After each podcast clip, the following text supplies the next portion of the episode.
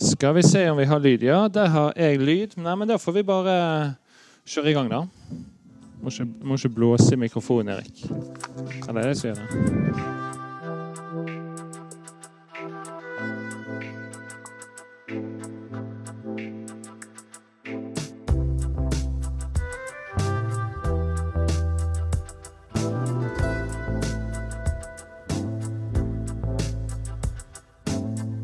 Leser Amtmannens døtre eller Stormfulle høyder og tenker at dette var gammelt og kjedelig og tamme saker, så er man dårligere stilt. Men jeg, jeg likte det alvoret som kom inn der, da. Nesbø har jeg aldri lest, riktignok, men um, Lene Andersson ble jeg nylig lurt til å lese. Og jeg er mer positiv nå enn noen gang. Og så er da diskusjonen i gang. Alltid ufullkommen, alltid mangelfull, men alltid verdt Ja, velkommen til en ny utgave av Hagesalongen. Det er lenge siden sist. Uh, forrige gang vi spilte inn, det var faktisk før jul. Vi skulle ha en episode om uh, oversettelse av klassikere bl.a. i februar, men den måtte vi uh, avlyse pga. Av min koronasykdom. Ja, Erik, flere måneder siden sist. Jeg har med meg da Erik Berk Hagen, litteraturprofessor, skummel anmelder. Har du eh, noe nytt å melde siden eh, november i fjor? Uh, nei, har det skjedd noe? Det har skjedd mye med deg, da. Du har jo fått barn, og har, i dag har du solgt leilighet og alt mulig. Så, så, du har jo vært litt av en dag i dag. Ja, det er det jeg husker best, da. Cashet inn. Erik var på to visninger, men uh, bød aldri, tror jeg. det var mitt uh, Store nei. Dagens store nei. Ja, En liten eh, Solstad-referanse der. Eh, det har jo vært delt ut en del eh, priser siden sist. Fosse fikk Kritikerprisen. Carl Frode Tiller vant Ungdommens kritikerpris. Bjørnulf Jung Kjønn vant P2-lytternes romanpris. Mens da Inghild Johansen og Linn Ullmann har blitt nominert til Nordisk råds. Så her var det ganske god spredning. Ja, det pleier å være det. Det var sånn i fjor også. Voldsom spredning, så ingen av disse juryene er enige. Uh, men det er jo sånn, sånn, det er jo naturlig, det med ny, ny, litteratur. Jeg er glad for at min uh, favoritt Inghild Johansen er nominert da, til uh, Nordisk råd. Ja, Tror du hun vinner? Vi kommer stadig tilbake til henne. nei, Favoritten er jo 90 år gamle Kjerstin Ekman fra Sverige, som alle trodde hadde fått Nordisk råd tidligere. Men det har hun tydeligvis ikke. Så ja, Så da får man for, lang, for lang Nå er hun sikkert favoritt fordi hun er 90 og fordi hun er god. og alt. For lang og tro tjeneste til eh, litteraturen. Hun er jo en legende. Mm. Ellers så har vi jo registrert at enda et forlag kvitter seg med et tidsskrift. Etter 120 år kvitter Aschhaug seg nå med Samtiden, som nå selges til Magne Lerøes selskap Medier og ledelse og havner da i eh, selskap med da, dette tidligere ukebladet Ledelse, eh, som nå heter Dagens Perspektiv, og magasinet Dagligvarehandel. For seks år siden kvittet jo Cappelen Dam seg med tidsskriftet Vagant, og vinduet gikk jo i fjor over til å bli en ren nettsatsing. Er tiden over for de tradisjonelle tidsskriftene? Uh, mulig det. Altså, det er mulig det, jeg, jeg, jeg, jeg, vet ikke hvor mye tapp terreng de har tapt egentlig de siste årene. Men altså, verden forandrer seg. Er Litteratur-Norge lever jo ganske godt i aviser og sånn. Det er mulig disse papirtidsskriftene som kom hvert kvartal, ikke, ikke har vært så vitale de siste Men, jeg, men jeg, jeg, vet ikke om jeg har noen sånn sterke Man må liksom se det an. Det er nok av fora, det er nok av litteraturdebatter, flater. ikke sant? Du er alltid så positiv du, på uh, kritikkens ja, vegne. Ja, ja, Jeg reagerer ikke før, før verden går under. Ja, det, det, er sant, det er alltid, men, men, men, men, samtiden herregud, det, det, startet jo i 1890 med, med, med den legendariske Gerhard Gran som uh, først ordentlig nordisk professor. Først startet han Samtiden i 1890, og så, og så startet han uh, forskningstidsskriftet Edda i 1914. Som eksisterer fortsatt. Men på, bare på nett. Så, Gran, han leste jeg nylig om han åpnet i begynnelsen. så åpnet de, Det lærte jeg av Eivind Kjønnelands nye roman, nei, bok om eh, abnorme kvinner hos eh, Ibsen. At eh, Gran i begynnelsen uh, åpnet tidsskriftet for, for ekstreme, sånne, ganske ekstreme tolkninger av, av hvordan kvinnen hadde utartet, og kvinnen var overkultivert osv. Og, og hadde forlatt sitt naturlige leie og blitt en sånn halvveis mann. Og så det var flere sånne debattinnlegg og innspill av den typen. Så, så disse gamle heltene var ikke alltid helt stuerene på alle punkter. Da. Så Kjønneland er god til å, til å trekke frem eh, absurde utsagn fra gode liberalere som Bjørnson og Garborg og alt mulig fra 1890-tallet. Ja, Du har lest hans uh, nye bok. Nye bok, ab Abnorme uh, i gåseøyne, da. Uh, abnorme kvinner hos Ibsen. For, Ja, for, på 90-tallet så, så, 90 så ble, ble Ibsens kvinneskikkelser med Hedda Gabler i spissen kalt abnorme og degenererte og overkultiverte og dekadente og alt det der. Så, så resepsjonen av eh, akkurat de skuespillene der ble veldig negativ. Ja, En god tittel. I helgen er det Oscar-utdeling. Og du har jo vært veldig opptatt av Du har jo ikke stoppet i gangen oppe på universitetet å snakke om denne filmen 'Verdens verste menneske'. Ja, Av en eller annen grunn. ja det var for, bare fordi jeg, jeg, jeg syntes den var interessant sånn vurderingsmessig. Da, for jeg var enig med de som hyllet den, og jeg var enig med de som slaktet den helt. For eksempel i, eksempel i The New Yorker det sto en veldig grundig anmeldelse, men også i Dagbladet. Det var ganske Ja, Du vender kappen etter vinden. Nei, men det var en interessant film. Altså, jeg, jeg, likte, jeg elsket overflaten, som, som veldig mange har gjort. Og, det, og hovedrolleinnehaversken, som var veldig god, og utvilsomt. Som heller burde vært øh, øh, nominert til Oscar, mer enn øh, en manuset. Som jo nå er nominert, da. Men, men, men boken Nei, nei, men filmen den, den er sånn lar seg se med glede to ganger, og så er, den, er du ferdig med den. Den er litt tom, da. Jeg er enig med de som har, har sagt det. Hvem er denne kvinnen? Hun er identitetsløs. Og det er liksom, det er liksom ikke noe mer. Nei, det, det var jo ryktet at du skulle anmelde dette filmmanuset.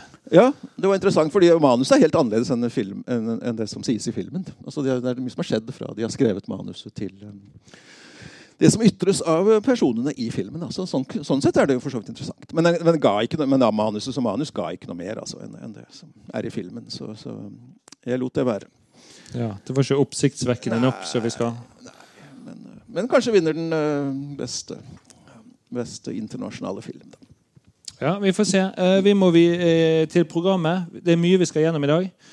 Vi må snakke om debatten som for tiden går i Klassekampen, om Dagbladets nye sponsede boksider og sponset litteraturkritikk. Vi skal innom en kontroversiell oversettelse av en bok du faktisk har anmeldt tidligere i år, eh, Erik. Colson Whiteheads 'Harlem Shuffle'.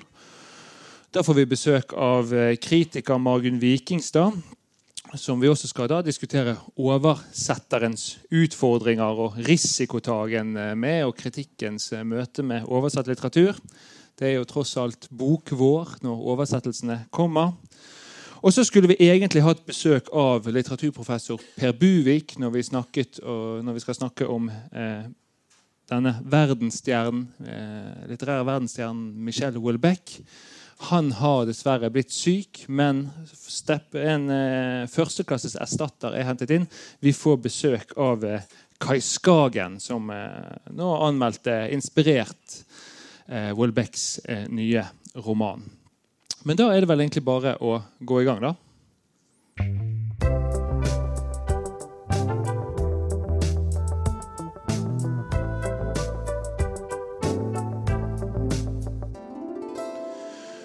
Nok en gang står Dagbladets kritikk i stormen, igjen i regi av Klassekampen.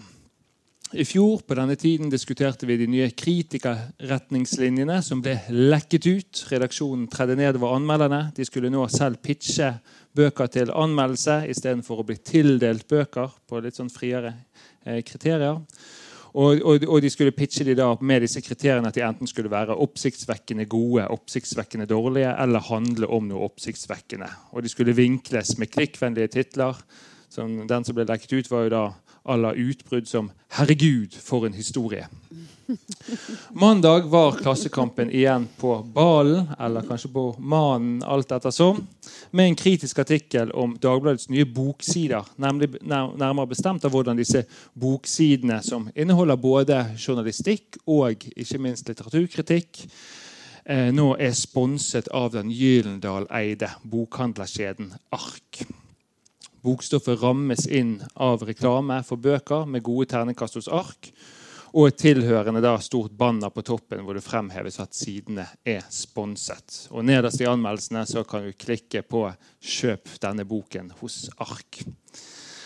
Flere reagerte jo på dette. Mediekritiker Gunnar Bodal Johans, Johansen synes at koblingen mellom tekst og reklame var helt uakseptabel, mens kritiker Preben Jordal syns at samarbeidet med ark, i kombinasjon med at Dagbladet selv gir så gode eh, karakterer eller terningkast i alle sine bøker, 22 av de siste 30 terningkastene landet på fem eller seks, at det både så uheldig ut og kunne føre til at litteraturkritikken mistet legitimitet. Har du sett på eh, Dagbladets nye boksider, eh, Erik? Nei, jeg har ikke det, men, men det høres jo litt rart ut. Det, det, det, å, koble liksom tettere da annonsestoff og redaksjonelt stoff. Det, det, jo, det, er jo en gammel dødssynd, og nå kommer de farlig. farlig. En annen dødssynd er jo ikke å gjøre research og gå inn på Dagbladets boksider. De er bare et klikk unna. ja, men dette har jeg jo lest alt om. Uh, ja, Det blir fulgt opp av en del debatter. Først var det Dagbladets kulturredaktør Sikri Hvitsten som var ute og uh, gikk i rette med påstandene punkt for punkt, før det ble fulgt opp av en kort notis fra Jordal igjen vel i går. Hvordan i sedvanlig bergenskritikerstil harselerte med hvordan Dagbladet vinklet bokstoffet som kjendisstoff. Og da særlig begynte, begynte jo da Eh, innlegget sitt med eh, sitatet 'Edvard Hoem er Norges Shakespeare', ifølge Dagbladet. Som da han har hentet fra eh, en kritikk. Og avsluttet da si, slik, eller på denne måten. Hva hjelper det at både kulturredaktør Hvitsten og sjefsredaktør Beverfjord minner oss på at Dagbladet har anmeldt bøker siden 1869, etter at Hvitsten insisterer på kritikkens uavhengighet? Problemet er jo at ARK-samarbeidet i 2022 åpner for tvil om nettopp dette.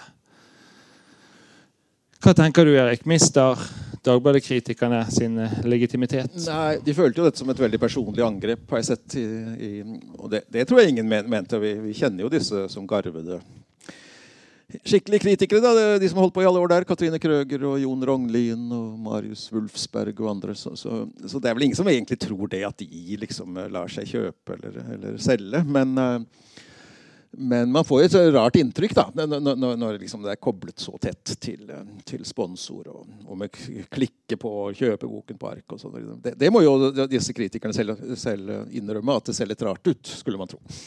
Uh, men de føler seg angrepet, integritet, integriteten angrepet. Så det, det, det, er ikke det det handler om, men det handler om at man får et inntrykk av at uh, noe, er, noe sklir ut. da. Uavhengig av, av, hvor ærlige og hederlige og skikkelige disse kritikerne er. Jon Rognlien gikk ut i dag og sa at uh, Klassekampen måtte ha en Dagblad-fetisj. Har du troen på ja, nei, jeg, men jeg så, jeg så um, Preben Jordal angripe uh, uh, Dagbladet for føleri fordi de har sagt at jeg får gåsehud av den boken. og sånn, og det, det, må jo være lov. Hvis man faktisk får gåsehud av en bok i voksen alder, så, så, så må, jo, må, man jo få lov å meddele det da, uten at det anklages for føleri. gåsehud er bra. For de innvidde så står jo det i Bjerkhagen sin kritikkbok nettopp at gåsehud er et symptom, et legitimt symptom på kvalitet. Så du lærer jo bort dette her, så jeg skjønner at du tok den eh, litt personlig. Eller hvis hårene reiser seg på hodet. Eh, det må være skikkelig. Det, det syns jeg man bør, bør medle om. Ja. Ja, hvis ja, man leser en grøsser. Eller hva. Ta en selfie og, og for få bevis. Men jeg, jeg ringte faktisk eh, Katrine Krøger i dag. Vi kan jo høre hva hun hadde å si. Ja, Katrine Krøger, nok en gang havner dere Dagbladet-kritikere i kritisk fokus. Sist gang var det retningslinjer fra avisen, og denne gangen er det sponsede boksider. Hva tenker du om Klassekampens nye sak? Jeg tenker at Klassekampen nok en gang eh, i kjernen forsøker å insinuere at eh, Dagbladet-kritikerne ikke er troverdige eh, og er eh, litt sånn kjøpt og betalt av kommersielle krefter. Mm. Ja, eh, men det er jo ikke i og for seg så uvanlig at eh, avisene har annonser på boksidene som står ved siden av kritikkene. Men det er jo noe litt spesielt med denne her eh, sponsorheadingen, kanskje, og at man kan kjøpe at det blir linket til eh, ark direkte med sånn eh, 'kjøp boken her hos ark' og sånn. Kan du skjønne at folk reagerer på, på dette her? Ja, altså leseren har jo ikke reagert, og Klassekampen reagerer nå først etter fire måneder. Men eh, det kan jeg faktisk forstå. Eh, men hvis du sier det motsatte, altså det å skrive kritikker i tabloidaviser, sånn som spesielt kanskje VG og Dagbladet, har aldri vært ideelt. Altså Miljøet rundt det er ganske kommersielt, for å si det eh, pent. Eh, kjendiseri og mye rart.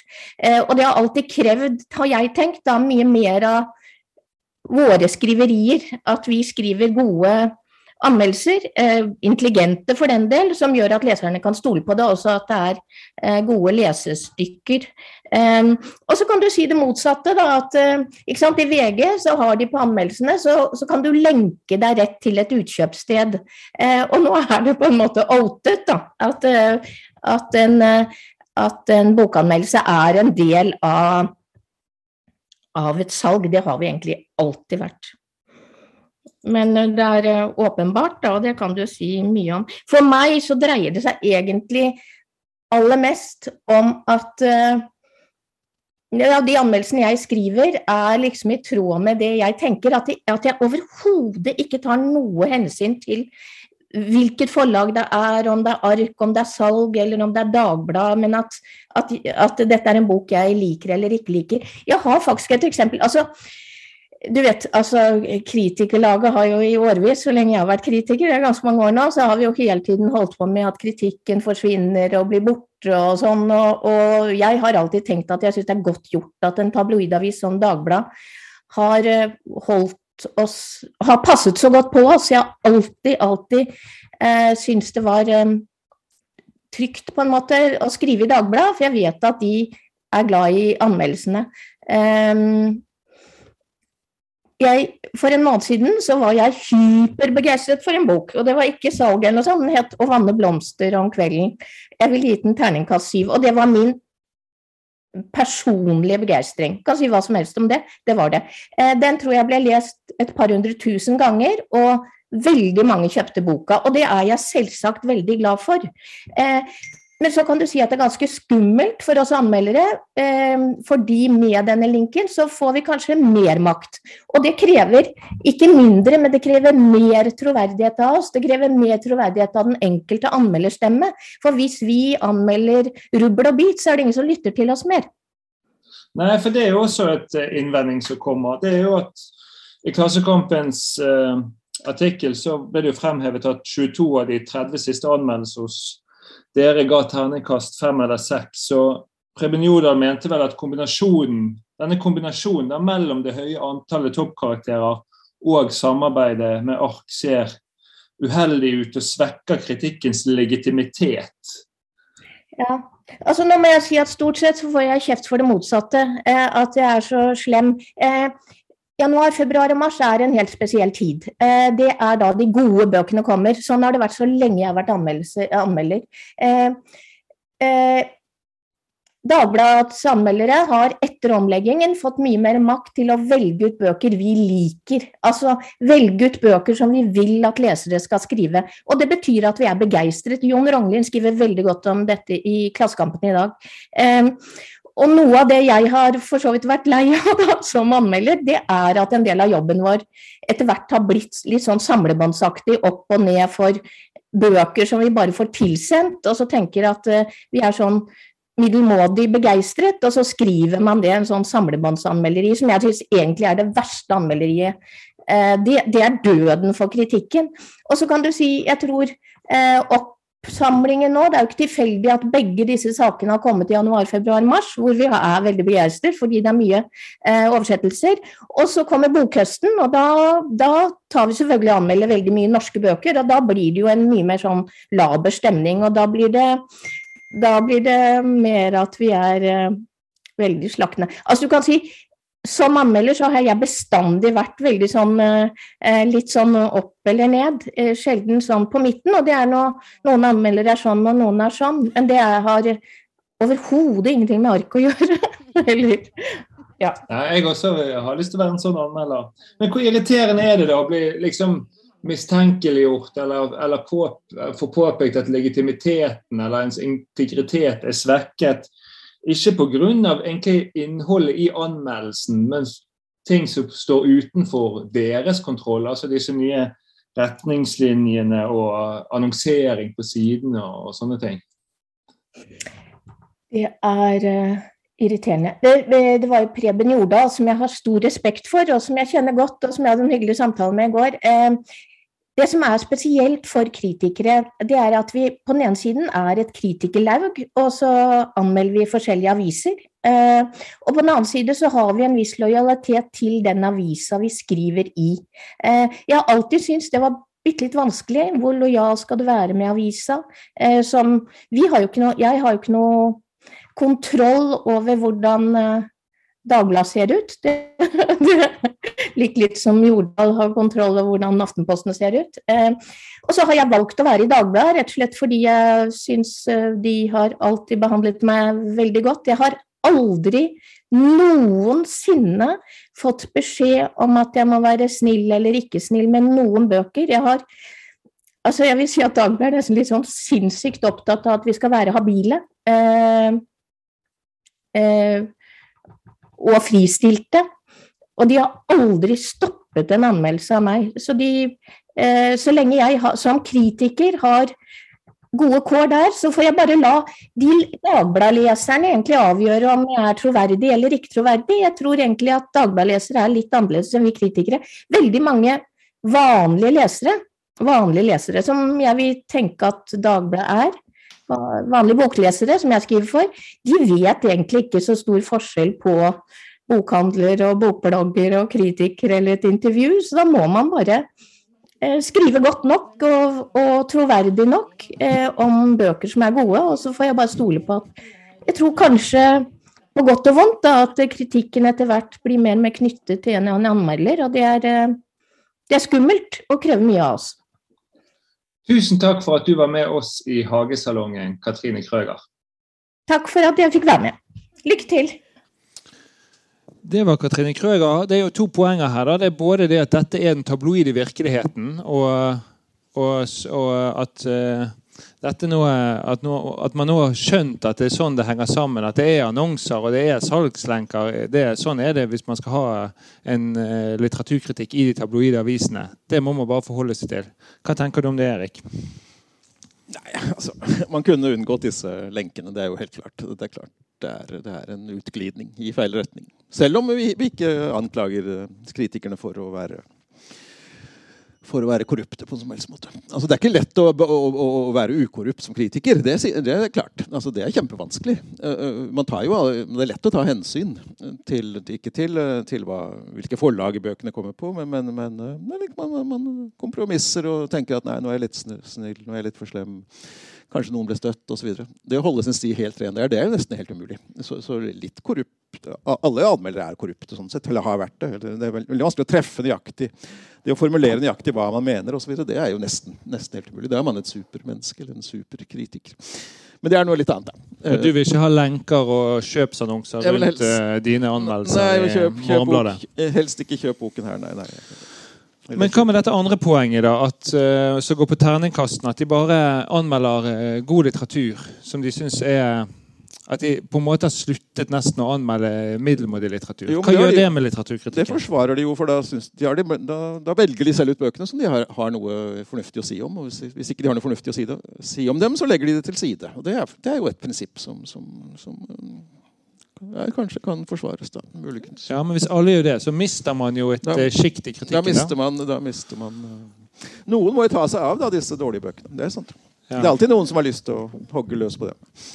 Ja, du anmelder jo eh, sjeldent eh, veldig dårlige eller iallfall middelmådige bøker, så du er jo privilegert. Jo, jo, men nye kritikere som vil markere seg, kan jo, kan jo få sånne bøker. Vi går videre.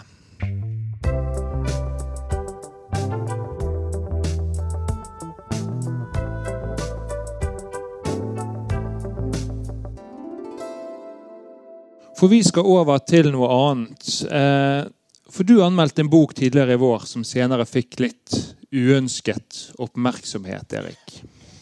Ja, det var eh, Colson Whitehead, hans eh, nye bok, hans åttende roman, som heter Harlem Shuffle. Han er kjent for ikke minst The Underground Railroad, som også er blitt en TV-serie. Uh, svart forfatter fra New York. Og, og til mitt syn, Han fikk da Pulitzer-prisen for, for, sine to foregående romaner. Begge to. Inkludert av denne The Underground Railroad om slavetiden. Uh, uh, og han er bare den fjerde, fjerde, historien som har fått to Pulitzer-priser for fiksjon. Men uh, men jeg syns denne siste boken er enda bedre enn disse to foregående. faktisk.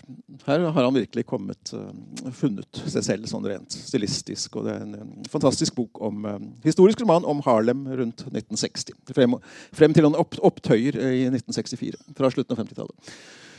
Fantastisk godt skrevet. Og minner liksom om de største amerikanske stilistene etter annen verdenskrig. Samtidig som han har et helt eget språk og skriver liksom rytmisk, hipt. Et svart språk, et Harlem-språk, et uh, kult språk.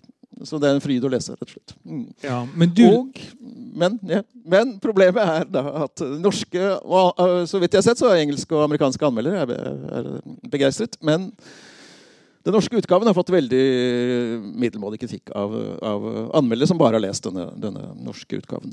Ja, Det begynte jo med Aftenpostens anmelder Mari, Mari Grydeland, som mente under overskriften da at denne boken fortjener bedre. At romanens eh, litterære kvaliteter egentlig gikk tapt i den norske språkdrakten. Hun lanserte mange eksempler der hun påviste hvordan meningsrikdom eh, og kulhet på en eller annen måte går tapt. da.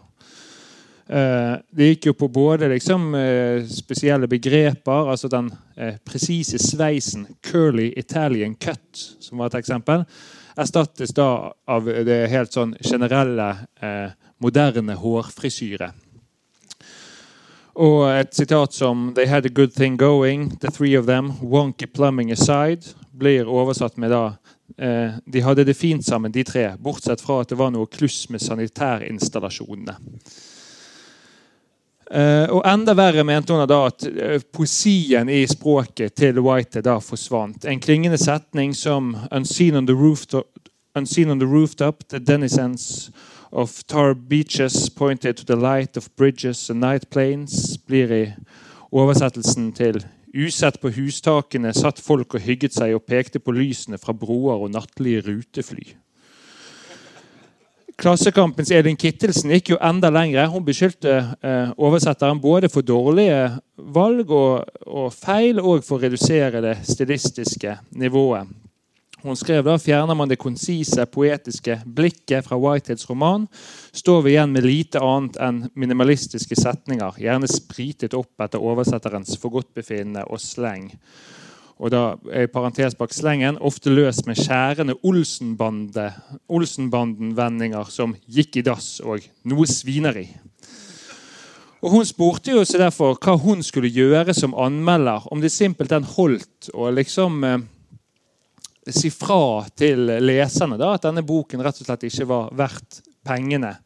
Eller om hun, siden dette var en oversettelse, måtte varsle forfatteren om et mulig kontraktsbrudd. Og Hun konkluderte med ja, det måtte hun. Og på slutten av anmeldelsen får vi vite at hun på vegne av leserne eh, sitat, gjerne tar ansvar for å sende Whitehead en e-post om at han står i fare for å bli fraranet både språk og ære. Dette var eh, harde bud, Erik. Ja, det var harde ord. og eh, jeg vet ikke om det siste var så realistisk. Men hun har jo både forlegger og oversetter svart. da, men... Eh, ja, De var ikke så overbevisende, de heller. Det er ikke så lett for dem å svare på den type. For det er opplagt. Jeg kastet bare ett blikk. Altså, jeg, anmelder, jeg anmelder ikke uh, oversettelser fra engelsk, for det, har jeg, det mener jeg ofte ikke, er, ofte ikke er god nok, faktisk. Så jeg anmelder alltid originalutgavene. Du bare unngår liksom problemet. Problem. Det er en sånn her kjip måte å operere på. At ja, du ikke ja, tar stilling. Ja, da fikk jeg masse kjeft for det. Da, da prøvde jeg å fortelle leserne hvordan det burde oversettes, i tillegg til å sitere sitere de eksisterende oversettelsene. Men det, fikk jeg, det var, ble så upopulært. Så. Nå bare oversett, oversett, oversett. Du bare liksom går rett på den engelske. Så selv om den norske akkurat kommer ut eh, da, så tar ja, du den engelske. For da kommer de ofte samtidig, faktisk. Eh, nesten. Nei, ikke helt, men, men, men, men, det kom veldig tidlig. Mm. Hva syns du om konklusjonen? da? Dette her med å skulle, å skulle varsle forfatteren nei, om et mulig kontraktsbrudd? Nei, det vet jeg, ikke, vet jeg ikke. Men det er, det er, jo kjipt når man har skrevet sin beste bok, eller har skrevet en fantastisk bok, og så kommer det, kommer det altså, middelmådige anmeldelser. Som er, som er faktisk er at, det at det er treffende, treffende middelmådige anmeldelser. Fordi, fordi oversettelsen er middelmådig. Det, det, er jo en frist, da. Man får jo vondt av forfatteren. Det er klart det. Man gjør det. Ja. På et vis. Ja. Tror du det er vanskeligere å, å, å, oversette den type Altså Du kalte det Hva var det ditt du brukte? Kult og hipt? var det? Og, ja, Harlem-språk. Harlem det er klart det er kjempevanskelig. Det, det, det. Ja. Det, er klart, det, det, har også slått meg at det muligens er veldig vanskelig å oversette fra engelsk. At det er vanskeligere Jeg tror det er definitivt er lettere å oversette fra tysk. Stort sett. da. Uh, fransk eh, vet jeg ikke, men man skulle tro at det var like, like, vanskelig som engelsk. Men det er et eller annet som ikke skyldes bare at vi kan engelsk godt og kan gjennomskue Svært ofte så henger i hvert fall den engelske syntaksen veldig synlig igjen liksom under, under, den norske versjonen. Uh, har Jeg lagt merke til. Ja, jeg husker jeg diskuterte dette faktisk med Per Buvik, som ja. egentlig skulle vært her i dag, om ja. uh, Edward Louis sin, uh, sin første roman, der ordet 'hardhaus' veldig mye gikk igjen. Og det synes jeg det, det gjør at romanen blir, det ødelegger liksom romanen for meg nesten. at, liksom at at han bruker dette ordet hele tiden. Han var ingen hardhaus. Fordi det virker som at det er fra 50-tallet og ikke i dag. Da. Men Per mente at det var et veldig presist og godt, uh, Han er jo et 50-tallsmenneske. 50 Men uh, du snakket om oversettelse fra fransk, og vi kan jo uh, invitere opp vår første gjest, da, som har oversatt fra fransk. Nærmere bestemt fransk klassiker. Flauberts 'Madame Bovary'. Vi får be Margunn Vikingstad om å komme opp. Ja,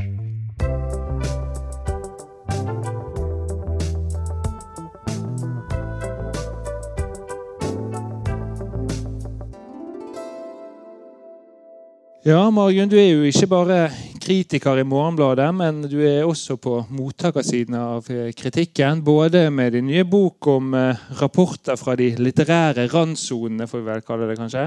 Rapporter fra randsonene heter vel boken. Men òg som oversetter. Eh, aller først, fikk du med deg denne debatten rundt eh, Harlem Shuffle? Ja, absolutt. Og jeg har eh har uh, Altså, jeg har ikke lest uh, Colson Whitehead, men jeg har uh, sett litt på disse her, både anmeldelsene og, og Knut Johansen sitt svar. Knut Johansen er altså oversetteren, og forlaget sitt svar. Og um, altså, jeg Du jeg, jeg, skrev for noen år siden en, en, en sak i en, en sånn oversetterblogg på Norsk oversetterforening side De har, har hatt en blogg, jeg vet ikke hvor aktiv den er. Og da skrev jeg litt om hvordan en eh, kritiker skulle prøve å forholde seg til oversettelse i forhold til om man kunne språket, og eh, han eller kunne originalspråket og ikke, og hva, hva, hva, muligheter vi har. Og jeg, eh, jeg syns på, på, mange måter at Elin Kittelsen tar, tar oppgaven på alvor og gjør det på, på skikkelig vis. Da. Men, men det som jeg syns er problemet, er at, uh, at jeg syns Mari Grydland har bedre eksempler på der det funker, og der det ikke funker. Altså, hun klarer liksom både altså, Ikke for å være uh, ta den, at hun har den mest sympatiske tilnærmingen, men syns hun har også de mest treffende eksemplene på der det faktisk ikke fungerer. Og at Elin Kittelsen Ja, hun har, hun har noen plasser, men, men hun blant annet den Uh, hun kommenterer den første setningen i romanen, og den uh, siterer bare en tredjedel av. Og den er faktisk en veldig god åpningssetning. Så så, så uh, Erik Bjerk Hagen oversetter på sitt vis. Ikke gjør det så godt som Knut Johansen gjør. Oh, ja. ja. for du oversetter den i anmeldelsen. Ja, ja det, burde vi, det, burde vi, det burde vi ettergått. Det burde vi ettergått. Ja, så den har jeg sammenligna, da. Olsenbanden. Uh, ja, nei, det er ikke mye Olsenbanden. Og der, der viser, altså, akkurat den åpningssetningen viser hva, hva som er utfordringa for en oversetter. Da, at en må for der stokker Knut Johansen om på setningsleddene. Han, han, bytter plass, og så bruker han litt sånn uptown og downtown, og du bør bruke et eller annet så opp og ned i byen, eller et eller annet sånt. Så, det, han, så der syns jeg at han er veldig fiffig, da, og er veldig sånn presis. og og ja. Men så, så, det andre, ja, det er kanskje ett eksempel uh, så Elin Kittelsen altså, jeg tenker hun hadde er litt merkelig valg. Og det at, uh, at Colson Whitehead har mange varianter på, på nattevakt. Ordet nattevakt, så er veldig sånn fiffige. Og der der kjører han bare den samme nattevakt, nattevakt, nattevakt tre, fire ganger på rad, og der eh, Whitehead har variasjoner. Og der burde en ha funnet et eller annet på, på norsk. Ikke bare variasjoner, men det er jo fire inspirerte metaforer. Ja, ja, ja, ja, ja det er veldig billedlige på alle mulige måter. Så der er jo, og det er nettopp sånne ting jeg tenker den gode god oversetteren kan vise seg, da. Eh, om en klarer liksom å gripe sånne ting. Og, men jeg, jeg, tror nok også det handler mye om eh, altså Det som Marin Grydland eh, indikerer, er jo har, har oversetteren hatt god nok tid. Og det tenker jeg er kanskje et problem da, et generelt problem i oversetteryrket. At en får ikke god nok tid til å gjøre det. Nei, du har jo oversett, oversatt, oversett, oversatt Gustav Flauberts klassiker 'Madame Bovary' Eh, som vel også er en slags risikotagen. Den er jo oversatt mange ganger før. og ja, kan, Man kan jo støtte seg på det, men er, Frykter du da litt sånne reaksjoner? At noen skal liksom gjennomgå setning for setning? og ta... Ja, selvsagt. Selvsagt at noen tar deg på et eller annet du har eh, oversett eller utelatt eller bomma på. Det tror jeg altså de fleste. altså Nå er ikke jeg en eh, jeg oppfatter Eller jeg, jeg, jeg, jeg, kjenner meg mer hima som kritiker enn som oversetter. Jeg har ikke gjort så mange oversettelser, og derfor blir hun på en måte Kanskje jeg går på en måte til verket hver gang som en eh, fersk oversetter, og dermed så blir hun ærefrykten kanskje desto større. Men jeg tror òg at de som er drevne oversettere, vet at det er det er på en måte umulig å, å, å, å levere 100 Altså det er et eller annet du, du du, du, vil misse på, men, men, klart i større eller mindre grad. Og det har jo skjedd mye i forhold til, i forhold til hvordan forlagene jobber, i forhold til teknologi, altså i det hele tatt. Altså det var jo, og i en praksis, derfor. Altså en har jo hatt eh, veldig mange rare praksiser når det gjelder oversettelse. At forlagene har funnet ut at de kutter litt ut, for da blir verket litt lettere å lese. Og oversetteren har tatt seg veldig store friheter og, og fornorska eller gjort ting lettere. eller i det hele tatt, Mens i dag så tror jeg altså den norske oversetterstanden er ganske så profesjonell, vil jeg påstå. Men, men klart med mange uh, utfordringer uh, i, uh, i, for at ting men, skal bli bra. Men Oversettelser fra fransk generelt, følger du med på det? Eller sjekker du oversettelser? Leser, leser du noe særlig norsk? Ja, norsk ja, ja, ja, ja, ja, ja. Eller, altså, jeg, altså, Det siste jeg leste, var jo Wellbeck, men den leste jeg på fransk akkurat da den kom ut. Så jeg, jeg har ikke fått sjekka den. Uh, opp mot Tom Lortringsen sin, eh, sin oversettelse. Han har jo gjort uh, Welbeck tidligere i lag, eller uh, alternert med, med, Thomas Lundboe. Og, og, det er jo et sånt aspekt med, med oversettervalg, da. Altså, for det, det, jeg tenker litt med, med Knut Johansen jeg, jeg, tror at han i stor grad har gjort en god oversettelse her. men men det er, er, er et faktum at Hvem? Eh, Lotrington, eller? Nei, nå, nå er jeg tilbake til Colson Whitehead, faktisk. Ja. At Johans. Knut Johansen har gjort en, en bra men, men, valg av, av oversetter i forhold til alder er faktisk et, et, et moment der. der vi har jo hatt noen sånn litt sånn triste historier i eh, norsk forlagsverden der kanskje litt for, eh, litt for godt voksne oversettere har, har, har oversatt ja, ja. Eh, bøker så de ikke helt har skjønner begrepsapparat begrepsapparatet i og konteksten. Man må jo kunne litt om, ja, om ja. Så, så, der er det, og der har det jo skjedd at, at bøker har blitt trukket tilbake, forlaget har trukket tilbake, oss, og har funnet ut at de må, må gjøre det på nytt. Så det er, det er nådeløst. Du var jo inne på det litt. altså Du har jo skrevet eh, om hvordan kritikken av oversett litteratur eh, synes å vakle mellom ydmykhet, nonsjalanse og arroganse. Hva mener du med det? Nei, jeg mener jo kanskje at eh, Eller jeg mener at eh, lenge, lenge så har, eh, har egentlig kritikere ja, ikke nevnt at det finnes faktisk et mellomledd her. At den amerikanske forfatteren ikke har skrevet den amerikanske boka på norsk, men at det fins en oversetter. Og det, det, tror, altså det har jo vært en veldig sånn hva skal jeg si, politisk eh, sak i Norsk Oversetterforeningen. At de har jobbet aktivt for at det skal finnes. altså Det skal stå på skal stå i bøkene, det skal stå i anmeldelser, det skal stå når, når en promoterer bøkene, at det faktisk finnes en oversetter. Det tenker jeg er, er, altså det, det, er liksom egentlig et minimum, men, men, jeg ser fremdeles at det blir utelatt. At, en, at kritikere skriver om et sånn fantastisk språk eller et forferdelig språk, alltid til, og bilder som blir brukt, og så, og så, er det faktisk en, en, en, en som sitter der og har funnet dette her ut på norsk som originalt var på tysk eller fransk eller mm. japansk eller hva det nå skal være. Eller så er det jo at en, en kanskje får en veldig sånn klassisk arroganse. da, At en finner nettopp noe sånn eh, at en, en skal briljere med at en kan litt engelsk, eller en kan litt fransk, eller en kan litt tysk, og så ser en noe som virker urimelig, og så og så slår en hardt ned på det, og så, og så, så mister en liksom at det fins en kontekst her, og at det er en oversetter som mest sannsynlig, eller forhåpentligvis, har sittet der og gjort noen bevisste mm. valg i forhold til litt, variasjon, i forhold til hva som fungerer på norsk, og i det hele tatt. Og det er jo en sak, altså, at ting skal fungere på norsk. Det er jo kanskje der kanskje Kittelsen går litt langt ja, i noen ja. sammenhenger. Men ja. en annen som har gått langt, er jo uh, Bjerk Hagen her borte, som du nevner i artikkelen din. ja. En meget treffende karakteristikk, vil jeg si. For du skriver om Henning Hagerup, og så danner du en kontrast.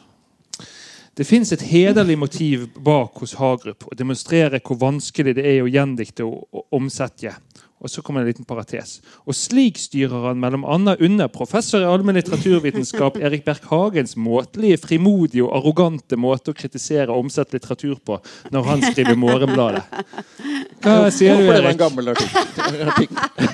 ja, det var utrolig kjekt for meg å lese dette her på nytt. For det, altså, jeg tror jeg skrev det i 2011, og da kjente jeg ikke Erik på noe som helst vis. Jeg hadde, liksom, hadde han som en sånn slags sånn ja, han satt i en sky borti Bergen og drev på med sitt. Og, og, jeg må jo bare si det at, at uh, Erik Bjerkehagen har jo hatt et slags sånn uh, jeg, jeg, forholder meg både til en sånn kritikersfære og en oversettersfære. Og at hans måte å komme med, med gode forslag til alternative oversettelser har, har vi av og til hatt litt glede av. da for, for, det er bare en, en driver jo liksom og utsetter seg sjøl for litt. Og en legger liksom alle kort på bordet, og så er det kanskje ikke helt sånn at en kommer heldig ut av det. Men nå sier jo Erik at han har slutta helt å, å, å forholde ja, seg til oversettelser. Ja, men han sa det fordi at folk var så kritiske. Men så sannheten er egentlig at han ble latterliggjort. Kan dette stemme, Erik? Jeg syns jeg hadde gjort det nok, i hvert fall. Ja, ja. Jeg bruker tiden på noe annet. Men hva tror du om eh, dette Erik sier med å oversette fra engelsk? Eh, at det er spesielt eh, vanskelig av en eller annen grunn? Nei, det tror jeg ikke er tilfellet. Altså, jeg tror alle språk har sine utfordringer. Altså, fransk har sitt, engelsk har sitt, tysk har sitt. Er, men klart, altså, med engelsk, det som er problemet med engelsk, er at alle i dette landet tror at de kan engelsk. Mm. Og det er kanskje problemet når en faktisk kan alle kan liksom komme seg fram i verden med. Men, men, det er noe helt annet å sette seg ned og oversette. Og nettopp klare klare så ta de valgene. Hvor skal en fornorske? Hvor skal en holde seg tettest opp til originalen, som kanskje blir litt odda? Så nå er det f.eks. igjen den der første setningen til, til Knut Johansen i Colson White, der han skriver 'uptown, downtown' istedenfor 'oppe i byen, nede i byen'. Altså Sånne småting som det som hele veien er, er liksom oversetterens uh, glede og kvale. da, altså Legge seg tett opp, opp til originalen, at en er tro mot den, og samtidig fri nok til at det faktisk blir et norsk som fungerer. Om det er hardhaus eller hva, hva, det skal være, så er det sånne type valg som er Og at en klarer altså det, det vanskeligste av alt er jo kanskje det å finne den derre hva skal jeg si, det åndedrettet eller den rytmen eller den pusten som fins i enhver tekst. da, og som handler om ja, som handler om noe ja. mer ut, utover at en kan det språket. Det er vel den som ikke er funnet i dette tilfellet. Ja. tror jeg. Eller, Men jeg tenker litt på det, for du skriver jo i din anmeldelse at det siste del av eh, romanen faktisk blir litt flata ut, og litt flatere i språket. Så det, altså der handler det jo kanskje om at det finnes noen problemer i originalen som kan få, få, sine konsekvenser i en oversettelse. da. Jo, jo. Ja, jo. Eh, teoretisk sett. Ja. ja. ja mm. Jeg tror vi skal gå eh, videre. Vi har fortsatt et hovedtema igjen på programmet. Få forfattere har en like bred leserskare som den franske forfatteren Michel Houellebecq. Noe besynderlig kan man kanskje tenke at denne forfatteren, hvis romaner som regel handler om livstrette menn som dras mot et eller annet ytterpunkt i en vestlig kultur på grensen, eller kanskje over grensen til det endelige forfallet, appellerer til så mange. Hvordan har denne provokatøren, som ikke står tilbake for eh, i romanene sine lefle med eh, ja, veldig spesielle former for sex, dyresex, sexturisme, islamofobi har han hevdet å representere, misogyni og ikke minst misantropi. Hvordan kan han bli så populær? Til å svare på det så skal vi få med oss eh, vår neste gjest, forfatter og kritiker Kai Skagen.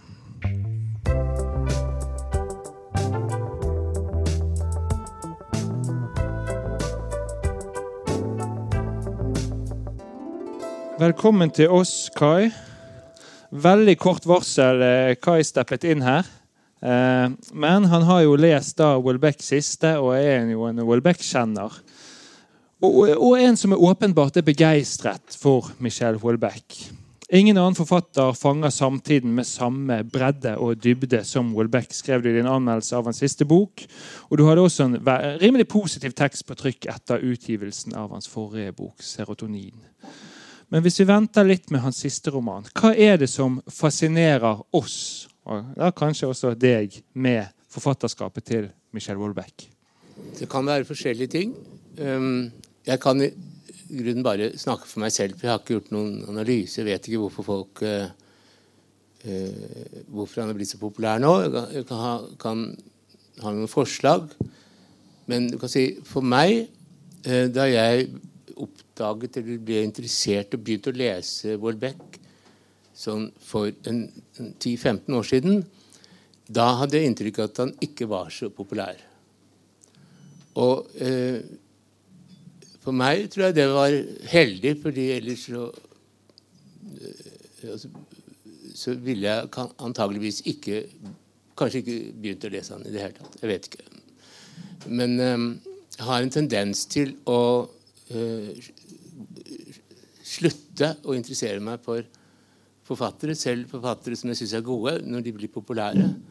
Så jeg syns det var veldig trist da um, Oran Pamuk fikk uh, nobelprisen, fordi etter det så uh, så, så Jeg har forsøkt det en gang, men jeg syns skriver dårligere etterpå. Og det er noe med at hvis du får så høye priser og blir så populær, så mister du gjerne et eller annet. Så egentlig skulle det vært en lov som forbyr eh, priser. Stipendier til unge forfattere og priser til, eh, på den betingelse at de slutter å skrive. Syns jeg. Han var dessverre veldig ung også. Han, eh, Pamuk, Pamuk, var dessverre veldig ung også. Ja. ja. ja. Så, men det som um, jeg syns at jeg leste Jeg tror det var kartet og terrenget jeg leste først. Um, Eh, det var to ting kanskje som appellerte til meg. For det første så er um, Olbeck en hensynsløs forfatter som skriver om eh, altså, uh, tabuiserte forhold som på en helt dagligdags måte. Det, eh, sånn at eh, Og det, det, har, det, har, ført til at ført, i hvert fall ført til at veldig mange hang seg opp i disse tabuene og, og gikk glipp av egentlig hva det handlet om. Fordi denne dagligdagse behandlingen av tabuene var, var et veldig sterkt utsagn. Um, uh, og altså, mange altså, nesten, Du kunne nesten føle at hele den gangen at uh, alt han skrev, var forbudt, på en måte. Det appellerte veldig sterkt til meg. Eh, det, det, Samtidig sammen med noe annet. For det andre det er at han har en eh, dybdeanalyse av hva er i veien med vår sivilisasjon. Det er ikke bare det at han har en, en kritikk av ditt og datt, og det er sånn kommersialiseringen av seksualliv sånn. Det går mye dypere. Um, og det har jo vist seg særlig i de siste bøkene, um, med uh, uh, underkastelse som ikke bare, egentlig ikke nødvendigvis er en kritikk av islam, men en undersøkelse av islam. Um, uh, et samfunn må ha et eller annet dypere grunn å stå på som binder det sammen. Og hvorfor, hvorfor ikke islam? Um, og, og, serotonin er jo egentlig en undersøkelse av kristendommen dypere. Eh, samt, eh, og, og, og, I denne siste så fortsetter jo dette med, med hvor plutselig kommer den franske okkultismen inn. Um, og, med uh, ja, sånne mystikere som tyskerne ikke ville like. Og som er litt sånn, hva skal vi si, litt sånn anløpent New Age-aktig, kommer plutselig inn der. Og det er overraskende for uh, Wolbeck, fordi at han plutselig så er det et, et nytt blikk på det ikke-politiske 60-tallet, som han alltid har vært uh, rasende motstander av. Og plutselig så det, var det noe der likevel. Og det er også interessant fordi um, denne formen for mystikk, dette som ligger på grensen til det onde, det, og Beck sier jo at dette er den siste boken hans. Og også den første har dette med, uh, som er essay om lovkraft. Uh, sånn fantastiske horrorhistorier. Den lovkraft også handler, bygger på en måte på noe margima, veldig marginale elementer hos Madame Blavatskys teosofi. Som mange teosofer ikke engang kjenner til. Eh, monstrene i den åttende sfære osv. Velkjente ting her, sikkert.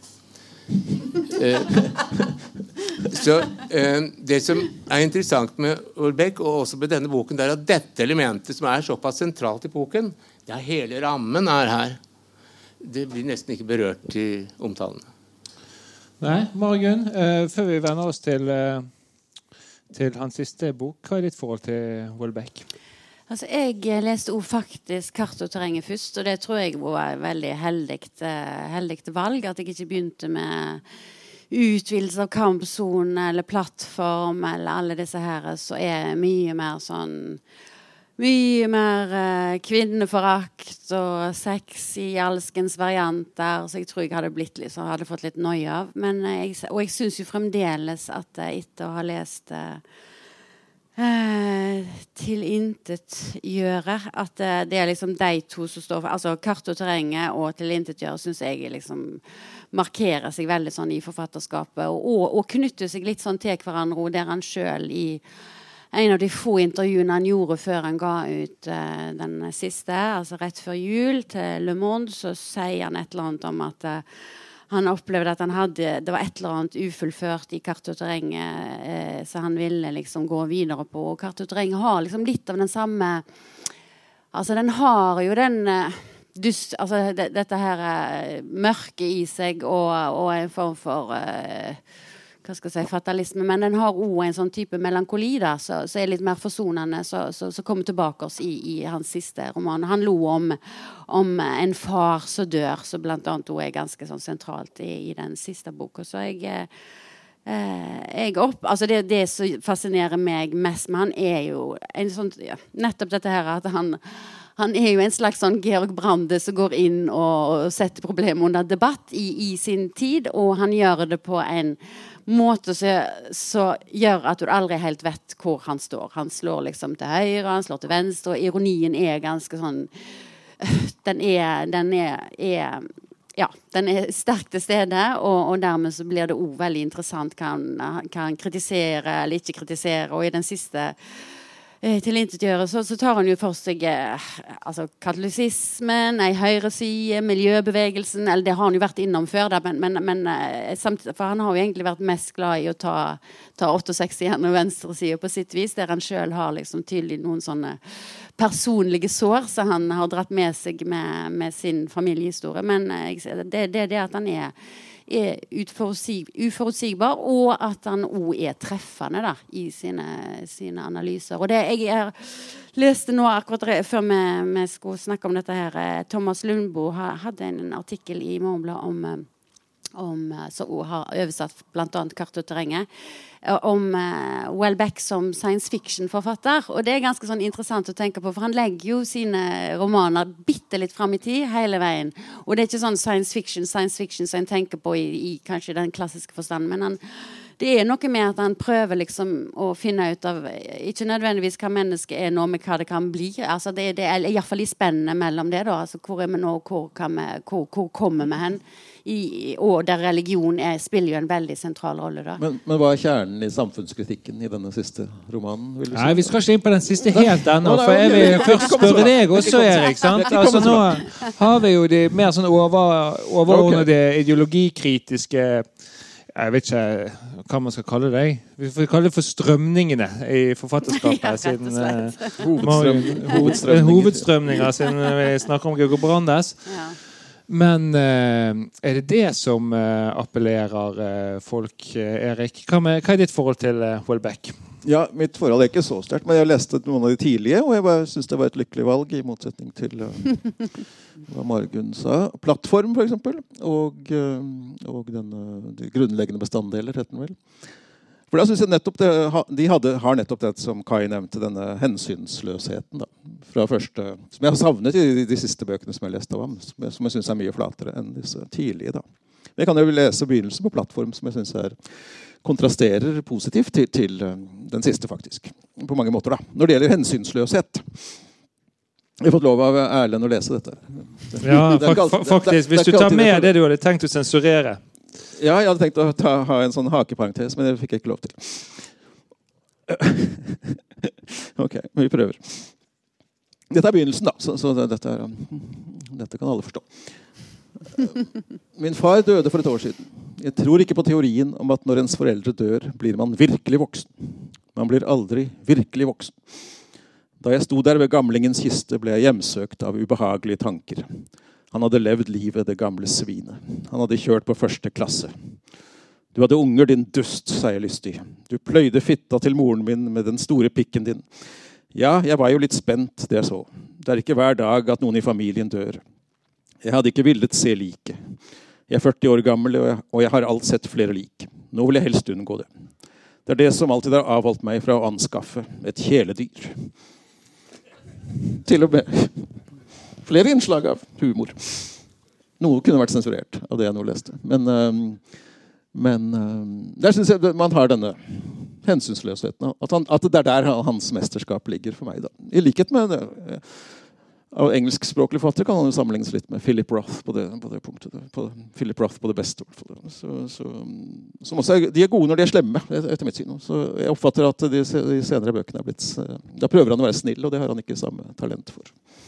Det er mitt. Er mitt Ja, Det skal vi komme tilbake til. Men jeg vil spørre Kai først. Altså, det at det er en slags eh, tydelig ja, Kanskje jeg går for langt, men en tydelig samfunnskritisk eller ideologi, ideologikritisk linje da, i forfatterskapet. Eh, og et av og til problematisk, kanskje ideologisk budskap til og med. Hvis det er en ideologikritisk og samfunnskritisk eh, et budskap da, eller linje i forfatterskapet, hvorfor tror du Houellebecq, i alle fall i Norge, omfavnes fra både høyre og venstre? Det er jo altså, Det er jo Du kan si um, Disse sånn sant? Hvis man ser helt på utsiden, ta enkeltutsagn og, og se på, litt på utsiden, så er uh, altså denne altså kvinneforakt og uh, følelsesløs seksualitet, alt dette her, er jo egentlig også en slags kritikk av seg selv. Der ligger jo liksom en sånn Det er jo en sånn, en sånn melankoli i, hos um, eh, humor, ja. Eh, eh, men først og fremst en melankoli eh, hos Solbeck som eh, er typisk for eh, hva skal vi si den gamle modernismen. Camus, for. Eh, altså for en bevissthet som på en måte vet at eh, tapet av eh, metafysikken, religionen, idealene, er et reelt tap. Altså, eh, Du kan si at Dolbeck er nihilist, men han er ingen lykkelig nihilist. Og ved ulykken og tra det tragiske og det uh, melankolske i forhold til en, en flat, kommersiell, eh, eh, døende kultur, så å si, så, så oppstår det en veldig sterk sivilisasjonskritikk. Um, at det er, det er faktisk en mangel her vi har. Uh, og dette drives jo også uh, den uh, Hva skal vi si den Både høyre- og venstresiden drives av den, denne underliggende kraften som ligger i opplevelsen av Det er faktisk ikke perfekt sånn som vi har det. Eh, det kan være at er at vi eh, til tross for at vi eh, er så rike og, og på mange måter selvtilfredse, er, lever i en nedgangskultur og en, en, en undergangskultur. Den følelsen der eh, går gjennom eh, hele Holbecks forfatterskap, syns jeg. Og den er jo helt eksplisitt på slutten. Og en bok, og veldig tydelig bok som vi ikke har nevnt her, eh, 'Muligheten av en øy', som er en sånn veldig dy dybdekritikk av hele teknologiens art. Uh, uh, hvordan det som på en måte er vår kultur, ødelegger og avsetter og uthuler det menneskelige. Og dette uh, Hvis jeg skal si hva jeg mener, så, så mener jeg at det er kanskje et temperamentsspørsmål, men det appellerer til alle alvorlig tenkende mennesker. Enten de er høyre- eller venstreorienterte. Da har man noe felles. Man snakker om hesteskoteorier og andre sånne stalltips om hvordan man skal tenke. Men det er overflaten. så det er jo mange sånne høyreorienterte filosofer som på en måte da altså Spengler, f.eks., er jo Hvor høyreorientert er han egentlig? Um, uh, og hvor Altså høyre og venstre flyter litt sammen her, egentlig. Og det politiske er transcendert. Du får lov å, å være Du får lov å reflektere over disse tingene uten å bli liksom stemplet så hardt at du på en måte mister bevisstheten. Men, øh, men det er men, opplysningen som er problemet. Det. Opplysningen har, har spilt for litt. Det er grunntanken. Det frie, men, frie vestlige mennesket er dypt ja. ulykkelig. Ha, ha, ja. og, og han, hun sitter bare alene på sin hybel og, og ja. onanerer, på en måte. Det er jo det, det, er det. det, er, det er fantastiske uttrykk. Jeg tror kanskje det var derfor jeg uh, ble begeistret for Warbeck. Intervjuet sier det var helt tilfeldig Ja, nå er jo ikke jeg tilhenger av frihet. Det, det syns jeg er veldig morsomt sagt, og det er veldig treffende. fordi inni ligger det Hva slags frihet er det vi egentlig har? Er det frihet i det hele tatt? Det ligger utrolig mye i den.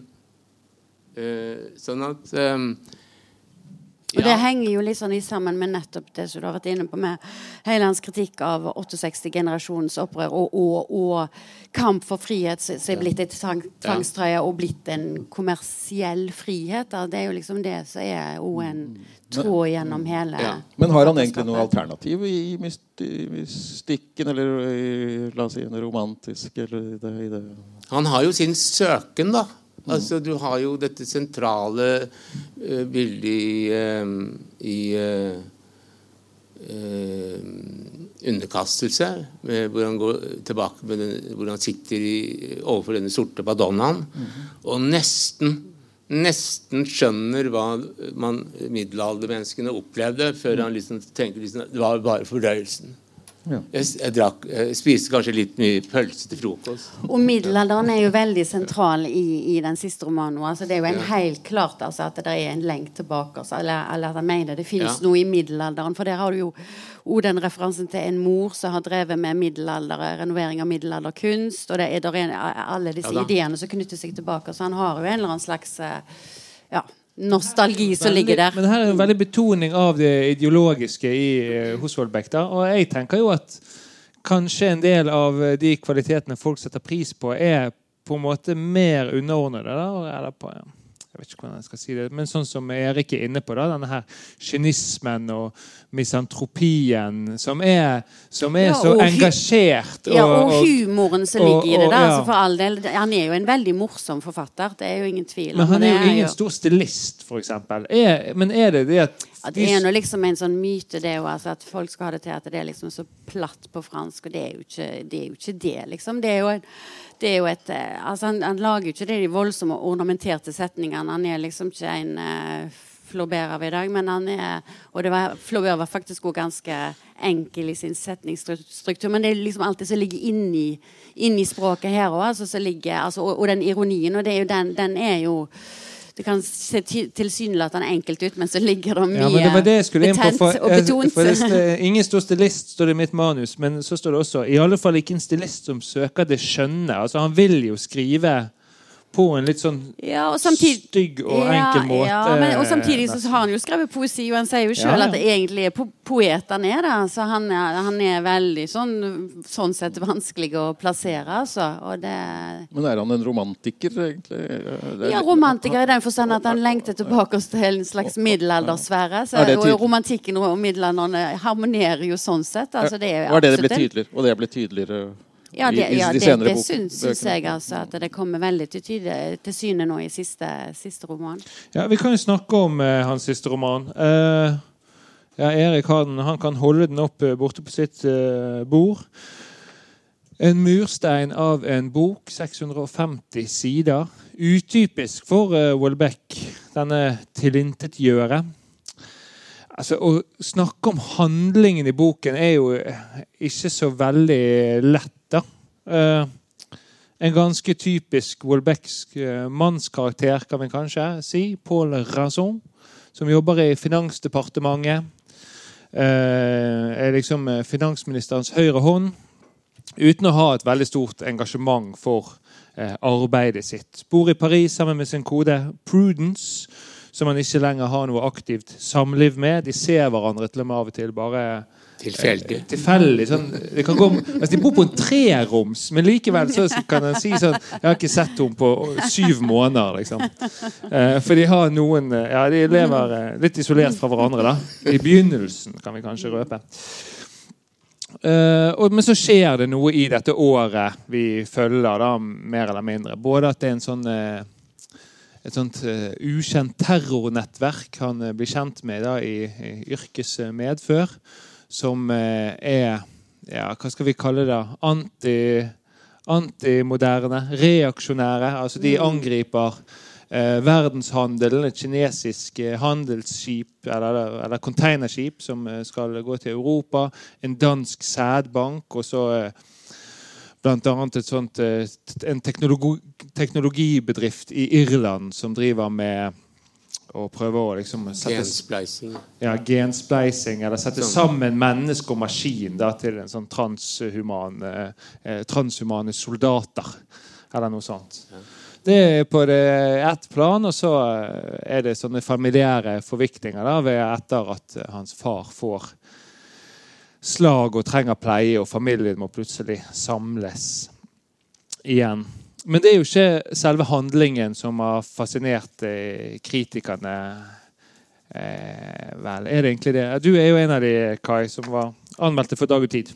Ja, altså, jeg har lyst til å si da for min egen del at jeg er jo egentlig ikke litteraturkritiker, men jeg skriver eh, mer hva skal vi si, essays om enkeltstående bøker. Sånn at i um, um, uh, og, og, og jeg velger da jeg velger, jeg velger selv. Jeg blir spurt om jeg sier som regel nei da, hvis ikke det er noe jeg er interessert i. Um, uh, Dagbladet-linjen kunne vi nesten si her med Katrine Krøger i sted. Men jeg, ikke sant? jeg finner noe interessant i, i, eh, som, som er interessant for meg, og som jeg kan si noe om. Uh, og det finner jeg først og fremst i ram, rammen her. I grunnen det samme eh, Egentlig ligner den litt på den siste til Knausgård, hvor du har en sånn uh, okkult ramme. Og så har du noe veldig sånn hverdagslig. Så du, altså Jeg vil nesten si unnskyld, men som man må kjempe litt for å finne det interessante i. øh, fordi det er litt laust og henger det egentlig sammen. Men rammen, rammen kaster spesielt lys over det. øh, øh, og vi kan være veldig velvillig. Og, og, og det syns jeg i grunnen man skal være hvis ikke forfatteren har gjort deg noe så, så, så bør man være velvillig ikke sant? og se det beste. Og være, være kristeligsinnet i forhold til eh, forfatteren. Um, eh, så, så, så kan dette kjedsommelige eh, få en interesse, men det, det er klart at da er leseren Da har du en god leser da, som på en måte eh, har, har, noe interessant. Du kan spinne ut fra rammen og, og, spinne ut en hel filosofi som kan kastes over eh, Men en leser skal jo Det er jo, det er jo en disiplin, det òg, å lese bøker. Eh, lese bøker ordentlig, sånn at man eh, får noe ut av det. Lese dem en gang til. Eh, jeg ville lest denne en gang til hvis jeg, skulle, hvis jeg var blitt bedt om å komme hit for en uke siden. Fordi at når du leser den som anmelder, så går det litt fort, altså. Går litt fort, og så lurer på hvordan, ville det være, hvordan hadde det vært Hva ville jeg sagt til denne boken hvis jeg hadde lest den? Sånn har jeg tenkt av og til. Fordi jeg har ikke lest den ordentlig som leser. Men øh, nå snakker jeg meg vekk fra det du spurte om. Ja, men det, det var greit, det. Eh, vil du eh, legge til noe der, Margunn? Om hva kan... du finner i denne boken som ja, er verdifullt? Altså, jeg, jeg, jeg, vil ta tak i det siste. Altså, jeg, jeg, leste den jo veldig veldig fort, for jeg leste den på fransk og skulle ha den ut i, i samme dag som det ble anmeldt i Frankrike. så det, jeg hadde med fordel kunne lese den en gang til. Og gjerne lest den på norsk for nettopp Vi har jo snakket om oversettelse her, så det hadde vært kjekt å sitte på det. Eh, men uh, altså det jeg um, Hvis vi skal snakke om kvaliteten av den siste, det er det vi skal nå, sant? Ja. ja. Så syns jeg jo at han Altså Det starter jo litt sånn spenningsaktig, dette her. Og det er veldig sånn interessant hvordan han han, han, tar tak i noen helt sånn sentrale politiske problemstillinger som er veldig sånn her og nå. altså Hele liksom høyrepopulismen, og den ligger der. Men så og, ja, og, og, og, er veldig hva skal jeg si, i sin tid, og av og til forut for sin tid. Altså, det var jo med underkastelse, og det har liksom skjedd mye rundt disse utgivelsene. altså Bare gi ut en roman, og så, så skjer dette her eh, angrepet mot eh, Charlie Hebdo. Altså, ja, han har så mye så, så, sier, så kunne... sier han noe nytt om høyreradikalisme? Ja, eller, altså, det så, ja, altså, eller det som har vært kritikken i Frankrike, er jo bl.a. at de mener at han liksom alminneliggjør hele høyrepopulismen. Tar det inn i, i, varmen og gjør det ufarlig på et eller annet vis. Og det er, kan en jo absolutt kritisere han for, nettopp fordi at det her er det litt sånn Eh, det er litt, altså, men det er jo noe med hele ironien til Welbeck. da. Hvor, hvor, er det han, hvor er det han setter inn støtet? Så er det veldig vanskelig å, å, å, å faktisk eh, nagle. Men her blir det jo en altså Det er jo altså, den, den, historien om, om hele familien som blir utløst av dette her um, farens sykdom, er jo er, er, er ve veldig fint gjort, rett og slett. Altså, for det handler, og dere klarer liksom å ta, ta tak i altså familierelasjoner, men nå alle de konfliktene. Altså, han har en veldig katolsk søster, så, så klart han står langt ifra denne hovedpersonens eh, ståsted. Altså, det, det kom inn en sånn eh, problematisering av eldreomsorg. Det der er, ja, som du har nevnt, okkultisme, og det at han lever sammen med ei som knytter seg til Vikka. Altså, det, det, er utrolig, utrolig mange tråder her som skal liksom og, han, og det klarer han på et eller annet vis altså, å å få til å henge, henge sammen. Og dermed så er det jo faktisk veldig vanskelig å så, ja.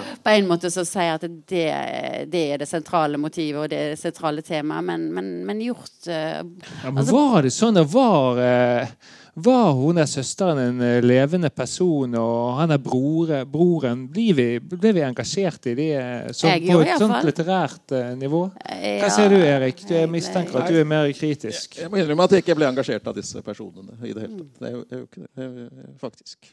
Jeg bryr meg ikke om søsteren og ikke broren som begår selvmord. Det kan jeg vel si. Og, og det hjalp ikke at han begikk selvmord heller. Jeg fikk ikke mer Men, og, og, da kommer det, da kommer det etter, etterpå Da får hovedpersonen plutselig en form for, for med, medfølelse og en form for oppvåkning i forhold til at han ikke har hatt noe nært forhold til broren. Men det er også veldig klisjéfylt beskrevet, var mitt inntrykk. da. Eh, men jeg har jo ikke det samme sånn idealet som deg. at det liksom er det med, med, Hva var det du sa? Så du har, så skrevet bok om at liksom, hårene reiser seg, eller et eller annet sånt. Altså, nei, nei, nei, nei, nei, nei, nei, nei, jeg mener, de, de mangler litt Jeg tenker ikke altså, å bli berørt her. Det handler jo om at det engasjerer, og at det setter han inn i en, i en, i en, i en situasjon nettopp fordi Welbeck skriver fram egentlig den samme type mannlig hovedperson, men her får han nå den utfordringen liksom Klarer han, han å engasjere seg i, i hele de, de, altså de, ulike tragediene som rammer han Ja, i familien? Jo, Og det, skjønner det. det, Det det, det, syns jeg jo på en måte at eh,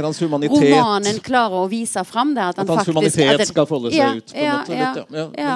Men, men er det, er like og uten at det liksom skal være berørende på et eller annet vis. Altså, jeg tenker at han, han er jo en, hva skal jeg si, en intellektuell forfatter som prøver liksom å, å, å, å, eh, se på hva, hva, hva, hva, hva samfunn er det vi lever i, i nå, og hva utfordringer har enkeltmennesket nettopp i forhold til de strukturene som finnes. Og det, det syns jeg han Her setter han det inn i en setting med både ja, i, i, i forhold til et sosialt, helsepolitisk Frankrike til religionen som spiller veldig stor rolle fremdeles i et Frankrike som på samme tid har, eh, har eh, har har eh, religionsfravær som ideal. Så han, han, han, han klarer jo liksom også å, å Du får ikke lese det der eh, pikksitatet en gang til. men, Erik. men, men, min,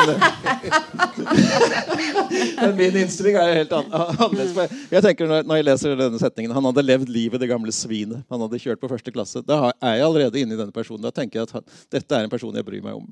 Dette, dette, er en interessant person, tenker jeg. Jeg synes jo Som, også som, jeg, som jeg ikke får, får når jeg leser om denne Paul Raison. Jeg har på følelsen at du er mer eh, Du, du, du, du eh, Altså, den idéromanen vekker ikke din eh, Du syns Nei, ikke Det er noe med det Ja, det at annet hvis ikke du har Du må på en måte legge det til. Men ja. for, å, for å være kritisk Men kan det være en fare for Altså, du Kai, er jo opptatt av Altså, du du liker vel Wolbeck bedre etter det du vel kaller for den metafysiske vending, eh, kan jeg tenke meg. Fordi at det på en eller annen måte eh, passer bedre med ditt eh, Jeg vet ikke det Jeg, grunnsyn, jeg, eller jeg likte han før han begynte med det òg, jeg. Ja. Eh, det er ikke noen betingelse for meg. Men kan det Eh, være det at man at de ulike leserne på en måte alle finner Det er derfor han omfavnes både fra høyre og venstre og fra ulike, alle ulike eh, posisjoner. At man på en måte finner noe på det der ideologiske hos Wolbeck som man, man tar til sitt eget, og så svever han litt sånn rundt der og kan representere masse ulike posisjoner. Altså, du snakket om dette her når han ble uggen i magen og sånn. Det kan jo man se på som en Altså at passasjen blir på en måte vendt helt om. Ja da, det er, mulig at, det er mulig at han på en måte er litt sånn at man kan At han kan eh, tilpasses litt enhver smak på én måte, selv om han jo nettopp ikke har vært det i utgangspunktet. Um, men um, eh, um, det kan også være det at han rører ved en nerve som er eh, dypere, og som på en måte At han på en måte har eh, har liksom en sånn hånd på noe som skjer i tiden, som, som eh, går dypere enn eh, hva skal vi si, alle slags medier ellers. Og at, man, eh, at, at det, det vekker den interessen på forskjellig måte hos forskjellige. Um, tenker på for, Og det er alltid dette Det er noe sånn drastisk som, som du sier, det er en sånn krimhistorie, men samtidig Altså, Rammen er jo en, sånn, er en, en terrorbevegelse. Men denne terrorbevegelsen er jo, har en høy, enormt høy militær kapasitet. Og den har eh, en eh, digital kompetanse som langt overstiger det beste de har i Frankrike. Slik at dette er en farlig bevegelse som kan stå til hvor som helst på kloden. Sånn dette er jo, dette er jo på en måte like før slutten. Eh, men det er, ikke, det er ikke videre utviklet. Ja, for det forlater han eh, underveis i romanen. Du har det, og så har du samtidig i romanen egentlig en personifisering av det onde. Det er ikke sånn Det, er ikke sånn, det vonde er en sosiologisk kategori eh, som man på en måte kan fjerne gjennom den gode samtalen.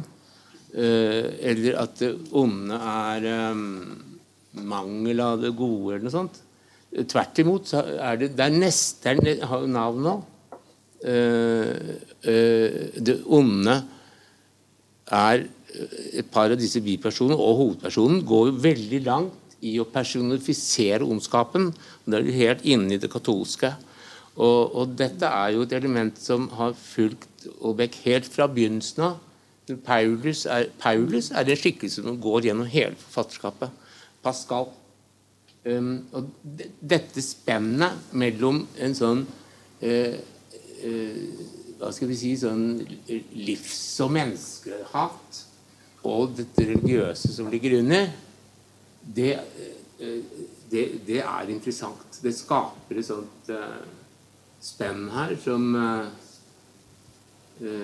som gjør at, som gjør at ja, som gjør at vekker i hvert fall min interesse.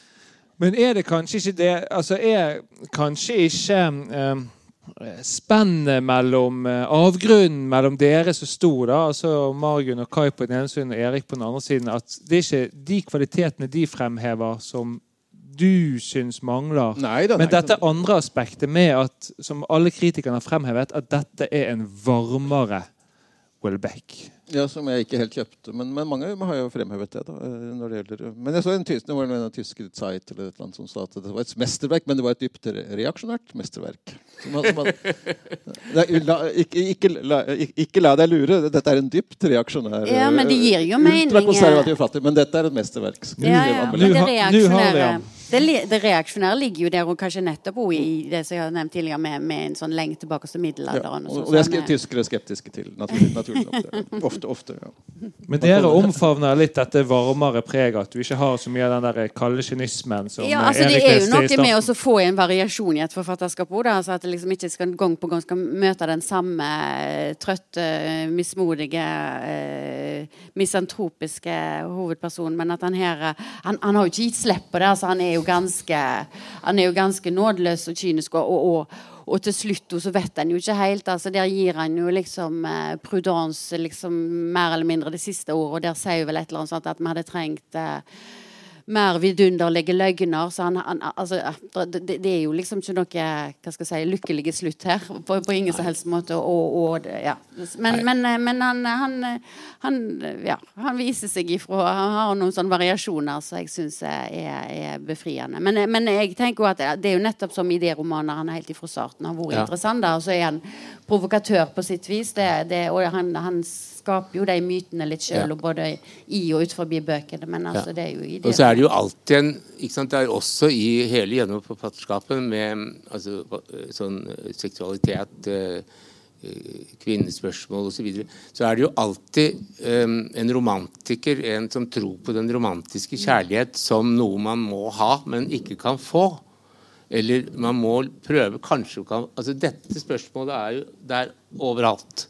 Sånn at eh, hele miljøet med bordellene og det håpløse og, og, og, og det obskøne språket osv. Det går igjen sammen med det stikk motsatte. Eh, og, og det, er, altså det, som er spesielt her, er jo det at eh, dette, for, dette ekteskapet som altså gått fullstendig i frø. hvor det var nettopp, ja, Hvem er du? Uh, bor du også? Altså Syv måneder siden sist. De bor i samme leilighet. Og han finner sånne spor av liksom, Ja, ok, hun har vært der. Uh, men sånn at denne, denne relasjonen uh, livner jo opp igjen. og begynner jo som en sånn uh, veldig frisk kjærlighetshistorie. Men samtidig som han, mannen har, har, har kjevekreft, og du får helt detaljert beskrevet hele dødsprosessen uh, i altså denne, denne kjærlighets... Uh, denne erotiske suksessen, kan du si. Eller den romantiske suksessen. Ja, Så det er jo ganske morbid, rett og slett? Det skjer samtidig med mm. Ja, så, begynner, oppvåkningen begynner vel litt før uh, syk, ja, sykdommen. Tross ja. ja sånn Men det ender jo så å si i graven. Mm, mm. Og, og, um, og, og, selv om han da har bygget opp helt Han går lenger i dette metafysiske, vil jeg si, enn mm. en, I hvert fall like langt som i serotonin til slutt. Uh, så blir, blir ikke sant, det bygget opp, og så blir det opphevet. Det var bare noe vi drømte. Mm som vi måtte ha. Og det er jo typisk, det er jo typisk som man sier, jeg er troende når jeg er i kirken, men når jeg går ut igjen, så tviler jeg. Mm. Og, uh, men en, en katolikk vil jo da si til Holbeck ja, men da er du jo troende, da. Fordi eh, det er ikke nødvendig å tro hele tiden for å være troende. Sånn at han, han er jo innen det er dette feltet han er innenfor, mm. men han er samtidig en uh, drastisk ånd. Ja, fortsatt, fortsatt drastisk. En annen drastisk ånd skal vi videre til nå, for vi skal avslutte. Men først skal vi ha, først skal vi ha Bjerkhagens topp fem. Uff da, ja. Var den god? Hvordan var den god? Hvorfor var den god? Hvor mange fullkomne Ibsen-skuespill finnes det? Ikke så mange. Ja, det, det, flott. det var flott. Det var flott. Ibsen som forfatter hadde i det hele tatt sine begrensninger. For ikke å snakke om Hamsun og Undset. Bjerk Hagens topp fem. Ja, Erik, hva er det du har til oss i kveld? Ja, I dag måtte jeg vri hjernen litt. Vi får se hvor vellykket det ble. Eh, litt sånn eh, connection til det foregående har jeg alltid hatt. det. Så jeg tenkte altså, ekstreme eller skremmende helter i norsk litteratur. Altså, ikke sku, sku, Rene skurker er ikke med, men altså helteskikkelser, eller mulige helteskikkelser som også er liksom litt skremmende eller demoniske. Da. Det fins ikke så mange av dem i, i Norge i Norge, kanskje. Og det, det slo meg også da i, i, den store litteraturen. da. Det slo meg også at det finnes nesten ingen idé, idé blant klassikerne at det finnes noen sånne store idéromaner eller idéskikkelser der demonien hviler på en idé som Raskolnikov eller Ivan Karamazov og sånne ting. Eh, eller Ulf Larsen, som jeg leste i fjor sommer, som var veldig, veldig god, faktisk. Jack Londons Ulf Larsen, eh, som er nordmann, da, riktignok, i romanen. Han var en skremmende skikkelse, faktisk, som det fins få av eh, i, i norsk litteratur. Da. Men jeg prøvde å vri, vri hjernen hvem er det som er litt skremmende av, av sånne litt demoniske helter. Så jeg, jeg endte på femteplass. Dag Solstad må liksom alltid være med i denne. Han presser seg frem uh, alltid. Så jeg endte opp med denne rullestolkemneren, altså Bjørn Hansen. Der han, den, romanen der fikk bare, bare femteplass. Det, det kåret Solstads beste bøker, men han, han, havner han på femteplass igjen. Er han en helt? Nei, kanskje ikke. Men, men, men det er, det er jo, han, jo, han er jo det for Solstad. Hans, Bjørn Hansens store nei, hans store ikke. Sette seg i rullestol selv om han ikke har noe behov for det. Der er det et eller annet eh, i hvert fall, i hvert fall litt demonisk som gjør at han, han, han kommer inn på, på listen. da. Fjerdeplass man blir Hamsun. Han har jo flere å velge mellom. Eh, august, kanskje, til og med. Men da hans siste store helt, nemlig Abel Brodersen i 'Ringen', sluttet Han er den mest negative, kanskje av alle.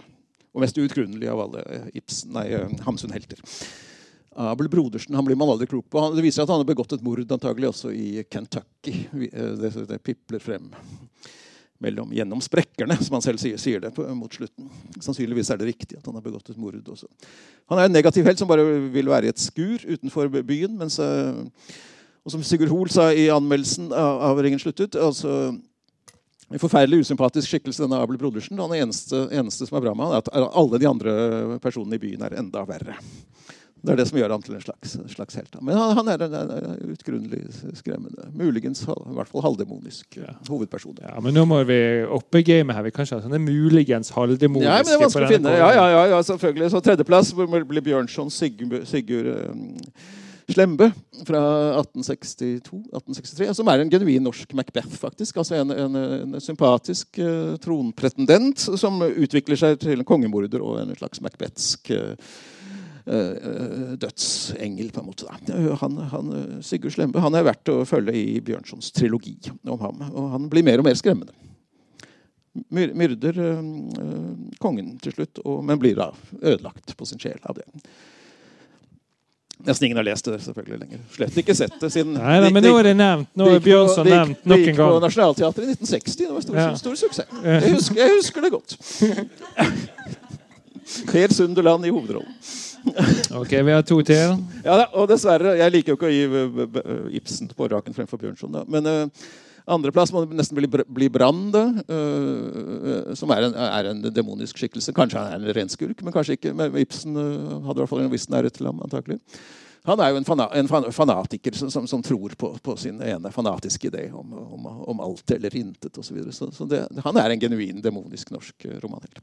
Men øh, førsteplassen må også bli Ibsen. Blir faktisk dobbeltseier til Ibsen denne gangen. Det er Hedda Gabler, selvfølgelig. Den, den mest, den mest demoniske norske litterære heltinne, da, hvis man skal kalle henne det. Ikke minst slutten av tredje akt, der hun brenner manuskriptet. Som Eilert Løvborg har kommet med ved hjelp av hennes rivalinne Thea. Så putter du det eneste, eneste eksemplaret av dette manuset i ovnen. Nå brenner jeg barnet ditt, Thea.